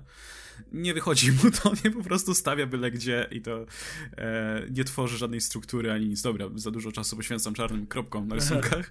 Jeśli chodzi o Keitha Giffena, ja chciałem powiedzieć tak, bo to jest scenarzysta, który jest znany z tego, że on lubi e, wymyślać fabuły, a nie, nie umie pisać dialogów. I widać to po każdym zeszycie, gdzie pisał dialogi. No, Więc- ta, ten, ta pierwsza historia ma jakby trzech autorów. Oni nie są, jakby nie jest wyszczególnione kto co, kto co robił. Jest tam właśnie Dandy Dio, Keith Giffen i Scott Koblish. E, I biorąc pod uwagę, że Dandy Dio nie umie chyba rysować, a Scott Koblish nie umie pisać, a Keith Giffen umie obie rzeczy, to podejrzewam, że on pomagał i przy tym, i przy tym, znając życie. Yy, No tak, praktycznie. Ale no to powiem, ta pierwsza historia ma tylko wystartować to, więc to nie, No tak, nie, no nie jest- musi być, wiesz, szczególnie rewelacyjna. Jest kilka drobnych odniesień do Kirby'ego tutaj i tam, więc... Tak, ale warto dla tej Więc- drugiej historii, bo jest dużo zabawniejsza i ciekawsza na pewno. I w ogóle prawdopodobnie dla całej miniserii, bo pomysł sam jest tak odjechany i naprawdę podoba mi się to. Jestem ciekaw właśnie jak Tomasi z tego wybrnie, bo jest, jest odliczanie bomby atomowej w tej chwili i wiesz, Kamany nie jest nigdzie w pobliżu, więc jak to, jak to No. odwołają, to nie wiem, jest ile? 4, 5 minut. Więc ma 5 minut na uratowanie świata przed kolejną atomową apokalipsą. No, to, to jest ten typ frajdy komiksowej, której już tak często nie dostajemy. Więc strasznie mi się podobał ten, w ogóle ten zeszyt i ten pomysł. No, ja, ja, też. Ujęło mnie to. Właśnie e, pierwsza historia, tak mówię, może to nie był najlepszy pomysł, ale, ale ta druga mi to wynagrodziła zdecydowanie. Także jeśli będą brać do tego faktycznie dobrych autorów, to, to wyjdzie coś fajnego. No dobra, to chyba wiele więcej się w sumie nie działo w DC ostatnio, nie? Czekamy cały czas na te większe rzeczy i nie wiem, e, zdaje się, że Suicide Squad vs. Justice League jeszcze trwa. Tak, nie, skończyło się. Skończyło, Skończyło się, już się? mieliśmy dos- ostatni numer. Okej, to myślę, że za tydzień E, pogadamy, jak już się... Ja powiem bardzo doczytam. szybko jedną No, rzecz, jasne. bo później będziemy sam Marvel praktycznie, No, więc e, wszystko się dobrze skończyło. e, to nie czytam. Nie, niespodzianka. I ta, to by było to by było na tyle właściwie do powiedzenia. Nie. Ale jest jeden mały, jest jeden mały spoiler, więc jeżeli nie chcecie słyszeć, to przewincie, jeśli interesuje was. Mianowicie odstawili Morrisona. I to nie w ten dobry sposób Morrisona. O nie. Więc wiecie, wiecie, wiecie jaka jest alternatywna nazwa dla Suicide Squad? Task Force Tak, X? Task Force, tak, Task, Task Force X, więc okazuje się, że to X to jest 10 tak naprawdę. O nie. I, I teraz Maxwell Lord będzie należeć do Task Force 11. Czyli robią, O, czyli robią Weapon X. No to jest to Tak, dokładnie to samo, tak. Więc e, tak, ja to tak czytam i taki facepalm. Ej, Było zabawnie, jakby się okazało, że po prostu nikt nie czytał tego e, New X-Men Morrisona i sami to wymyślili i byli z siebie strasznie Tak, dumni. a potem To X to tak naprawdę 10. Ale nie go. Jest, ale, a, a, ale, ale jesteśmy mądrzy, ale nam wyszło. Jest, potem jest, czytają ta, recenzji, takiego o. retconu jeszcze nikt nie wymyślił. jest jeden fajny, wzruszający moment pomiędzy Killer Frost i Supermanem, który już mieliśmy i został powtórzony. E, I to by było właściwie tyle, jeśli chodzi na ten numer. Wszystko się skończyło dobrze. Źli goście zostali pobici, dobrze wygrali. Wszystko, wszystko gra. Cool. O, to dobrze. cool, ale i tak to przeczytam. Mam nadzieję, że nie, nie, nie ciężko się czyta przynajmniej. A, no dobra, to jeszcze, jeszcze krótko o tych rzeczach, które z Marvelem zostały. Więc zacznę może od tej Wasp, bo nadrobiłem wreszcie pierwszy zeszyt e, Unstoppable Wasp, to się chyba nazywa, nie? E, I ona jest oczywiście bardzo sympatyczna. Znaczy, jak nie wiem, czy widziałeś te zapowiedzi, to już wyglądała jak taka luźna Tak, seria trochę. Nie, nie czytałem tego, ale, Taka- ale nawet widziałem w solicytacji jakiś jej wilani, to są stworzone postacie też na poczekanie. Na razie, na razie nie było, Okej. E, bo wiesz, to jest taka seria w stylu właśnie Spider-Gwen, albo nie wiem, Patsy, no, to chodzi o, mniej więcej, zamysł jest taki, że Nadia stara się o obywatelstwo amerykańskie, nie, więc musi iść do urzędu, mm. dostać papierek, no i ona generalnie, cały motyw polega na tym, że ona jest taka cholernie miła, jest w ogóle takim promyczkiem słońca na tym świecie, który po prostu wszyscy ją kochają i wszyscy okay. chcą być jej przyjaciółmi i tak dalej. Ona jest taka zajebiście optymistyczna i wszystkich lubi, wszystkich kocha, niczego nie rozumie, no bo wychowała się w tym Red Roomie Red całe Roomie, życie. Tak. Więc ona nie, nie, nie, jest powtórzone takie odniesienie do tych żartów z Kapitana Ameryki w, w filmach z, z Capem. Mhm. E, na przykład nie kojarzy, wiesz, takich rzeczy jak Harry Potter, no bo no skąd? Tak, no to jest w ten sposób pisane. Trochę mi się to kurczę, nie wiem, czy to tylko moje jakieś yy, zamglone wspomnienia, ale mi się wydawało, że kiedy ona się pierwszy raz pojawiła, to miała trochę inny charakter, znaczy była miała? taka trochę bardziej nie przybojowa, była, taka. Mhm. była taka właśnie bardziej przybojowa, była taka pewna siebie i tak dalej. Tutaj nie, tutaj jest w ogóle taka, no nie wiem, kurczę, jak, jak postać z kreskówki, nie? Jest... Nie, ona taka nie jest nawet popatrz na to, jak zachowuje się przy Avengers, na przykład jak jest bardzo cały czas docina Spider-Manowi. No tak, tak, tak, jest... tak. I to jest zupełnie... Może... Ona jest nie, chamska no. nawet co do niego cały czas. No tak, to w ogóle podoba mi się w tej serii, że wszyscy wrzucają tą Spider-Manowi, ale to swoją drogą. Ale, ale tak, to jest trochę w innym tonie zupełnie jest otrzymane jasne, kłóci się to bardzo, ale w oderwaniu jest sympatyczny. Taki, ten komiks jest tak optymistyczny i tak, tak sympatyczny, że aż poprawia humor. Jak ktoś ma ochotę na coś takiego, to, to polecam. Sporo fajnych żartów jest tutaj. Pojawia się Mockingbird, która, um, która tam walczy z jakimś losowym robotem czy mechem i, i okazuje się, że Nadia jest jej wielką fanką w ogóle i ją idolizuje i, i kocha w ogóle, więc Mockingbird ma, ma pierwszy raz moment w życiu, kiedy ktoś nie traktuje jej po prostu to się, jako losowy... Ktoś ją lubi. Tak, ktoś się lubi, ktoś jej nie traktuje jak losowego agenta S.H.I.E.L.D., więc jest taka zachwycona i w ogóle się przytula ją i, i popłakała się w którymś momencie. Także no to jest seria w takim właśnie stylu. Także nasi słuchacze zadecydują sami, czy im takie coś odpowiada. No i dobra, to jeszcze dwa eventy nam zostały. Co się e, dzieje? Tak, najpierw od Monsters Unleashed zacznijmy, bo to będzie krótko. To jeszcze, jeszcze właśnie jedną rzecz powiem, że nadrobiłem też w pełni ten pierwszy zeszyt Monsters Unleashed. Czytałem sporo krytycznych opinii w internecie, ale powiem szczerze, no kurde, potwory lądują na ziemi. Do, I czego, tyle, no. Czego, czego, czego więcej właśnie, co, co Nie masz bohaterów, jak z nimi walczą, bez jakby napinki, po prostu walczą z potworami. Ja nie mam nic przeciwko czemuś takiemu. To jest pierwszy numer, który jest bardzo prosty i no, jak dalej będzie, wiesz, stać w miejscu i się nawalać, to będzie z dupy, ale no to jako wprowadzenie, jak inaczej to wprowadzisz. No, no dobra, ale tainy. E, to jest bardzo ciekawe podejście, ciekawe, dziwne podejście nawet bym powiedział do tainów, bo jeszcze tak nie były nigdy robione. Mianowicie, e, bo od początku koncept tego eventu był taki, że on ma dziać się zupełnie na boku. To znaczy, to ma być wielki event, mają się dziać wielkie rzeczy i w ogóle, ale jednocześnie nie ma to wchodzić w linię głównych serii. Więc jeżeli kogoś ten event nie interesuje, może go totalnie olać i czytać swoje serie, jakby to nie będzie zaburzone. E, wszystkie tainy do tego eventu są stworzone na potrzeby tego, tego eventu, czyli nie wchodzą w ramy normalnych serii. I teraz mamy w tym tygodniu Spider-Man and Deadpool i Avengers. Dostaliśmy dwa takie tainy.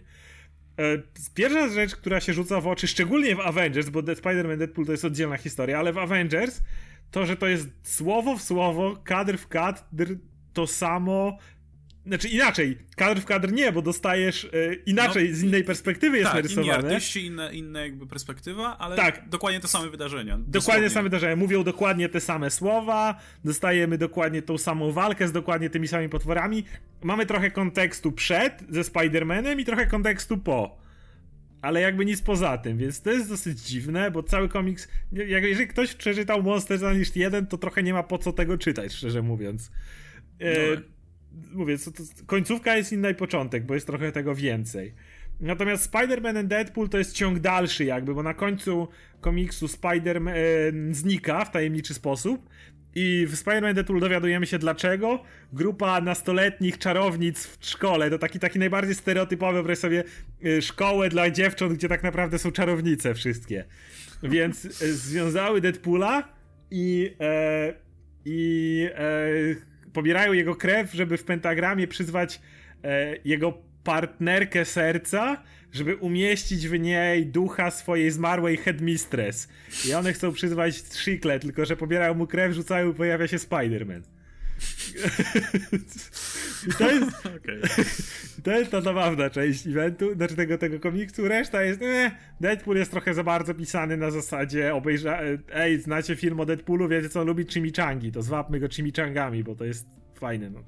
To nie lubię tego, jak Deadpool jest pisany, trochę jak yy, właśnie nie, nie tak jak się rozwinął, a tak jak jest pojęcie o Deadpoolu te zewnętrzne. No te, te poboczne zeszyty tak mają ten, i te poboczne serie no mają I są, problem. I są w większości strasznie do dupy. No osobiście umieściłem je w najgorszych komiksach. E, mniejsza o to. Także no i, i tyle właściwie. I to, to, to, to przechodzi obok siebie. I, I, to jest dziwne bardzo podejście do tainów. Jeszcze tego nie mieliśmy. Także nie. Masz coś do dodania, jeśli chodzi o tainy? Nie, no, no spoko, no. no, no trochę tam rozwijają no, historię, ale faktycznie to trochę sprawia, że jakby nie mamy co, po co czytać w sumie tych tajnów, bo nie wnoszą aż tak dużo.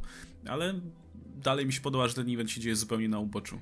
E, okej, okay, no a teraz drugi event, który jest już troszeczkę, troszeczkę tylko większy, czyli mamy ciąg dalszy Inhumans vs. X-Men. No i w trzecim numerze Inhumans wreszcie wstają z kolan. Jakby powiedzieć, no Inhumans zaczęli się powoli odbijać. No pierwszy krok da, postawili ku temu. Który, który, który jest był kompletnie przewidywalny. Od samego początku wiedzieliśmy. Każdy, kto przeczytał ten pierwszy komiks, widział wielką lukę w planie mutantów, którzy szybko wyeliminowali rodzinę królewską ale kompletnie olali New Humans, co nie jest do końca co, czymś, co można mutantom zarzucić. Sami Humans mówią, że oni mają problem z namierzeniem już kto co tam potrafi i kim oni są. Więc e, no przez to dostają w pierdziel. Mamy teraz ISO z Inferno, którzy lecą do mm, miejsca, gdzie jest wielka maszyna Forge'a, która ma zniszczyć chmurę Terigenu I Inferno spuszcza w pierdziel Oldman Laganowi na ISO. Pomysłowo zresztą bardzo, to mi się podobało. Mimo, tak, że oczywiście tak. wiadomo, po której stronie konfliktu jestem, to doceniam, doceniam te inwencje no, na pewno. Ciekawie go rozwali. No a ISO jest, ISO jest jedną z najpotężniejszych Inhumans, no to tam Forge mógł tylko popatrzeć, jak mu maszynę niszczy. E, więc tak, no i, no i oczywiście e, to, mi się podobało to, że jak y, ISO z Inferno rozmawiają, że sobie sami nie poradzimy, potrzebujemy nas więcej i ISO wtedy mówi zadzwonię do, do jednej osoby, ona zna wszystkich.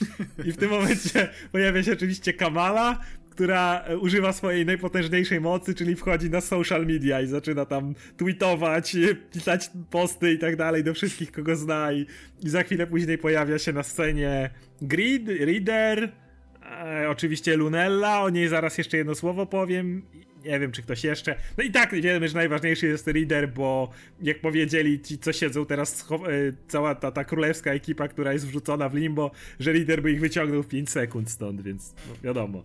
E, co jeszcze ciekawe, aha, biedny Fantomex, bo to jest tak, że Jean Grey razem z e, tymi Kukos uwięziła Karnaka w, um, w jego umyśle.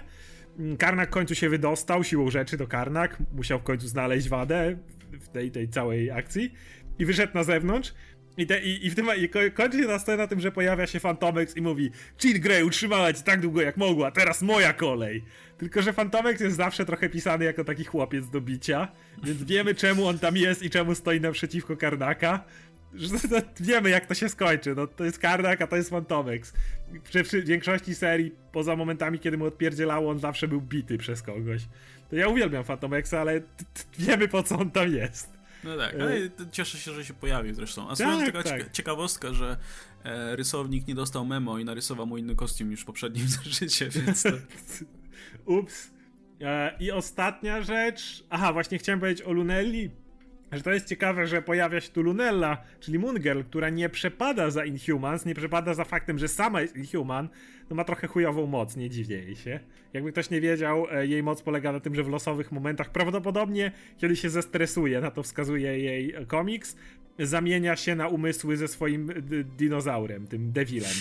I wtedy jest małą dziewczynką, która ryczy i próbuje zjadać papier, powiedzmy a ona siedzi i ma krótkie rączki. Ona jest bardzo inteligentna, jest, ma teraz swoją serię The Smartest One There Is, gdzie będzie konkurowała z różnymi geniuszami Marvela na intelekt, ale niewiele może działać, jak ma krótkie łapki Raptorka, znaczy T-Rexa.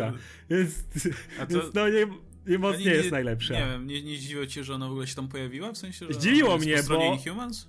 Tak, ale, ale jest jedna rzecz, która to tłumaczy ona jest absolutnie jej idolem e, numer jeden, tak jak mówiłeś o Mockingbird, tak, dla Luneli jest Miss Marvel. E, jak sobie wyobrażasz, wyobraź sobie, że jest 16-letnia piosenkarka i 11-letnia dziewczynka. Mhm. To jest mniej więcej podobny układ. Dla Lunelli, no, wiesz, no. Miss Marvel to jest. Oh my god, była scena, jak ona się pojawiła. I wiesz, ona, o Boże, Miss Marvel! I ona się do mnie odzywa jeszcze. Co, się, co robić, co robić?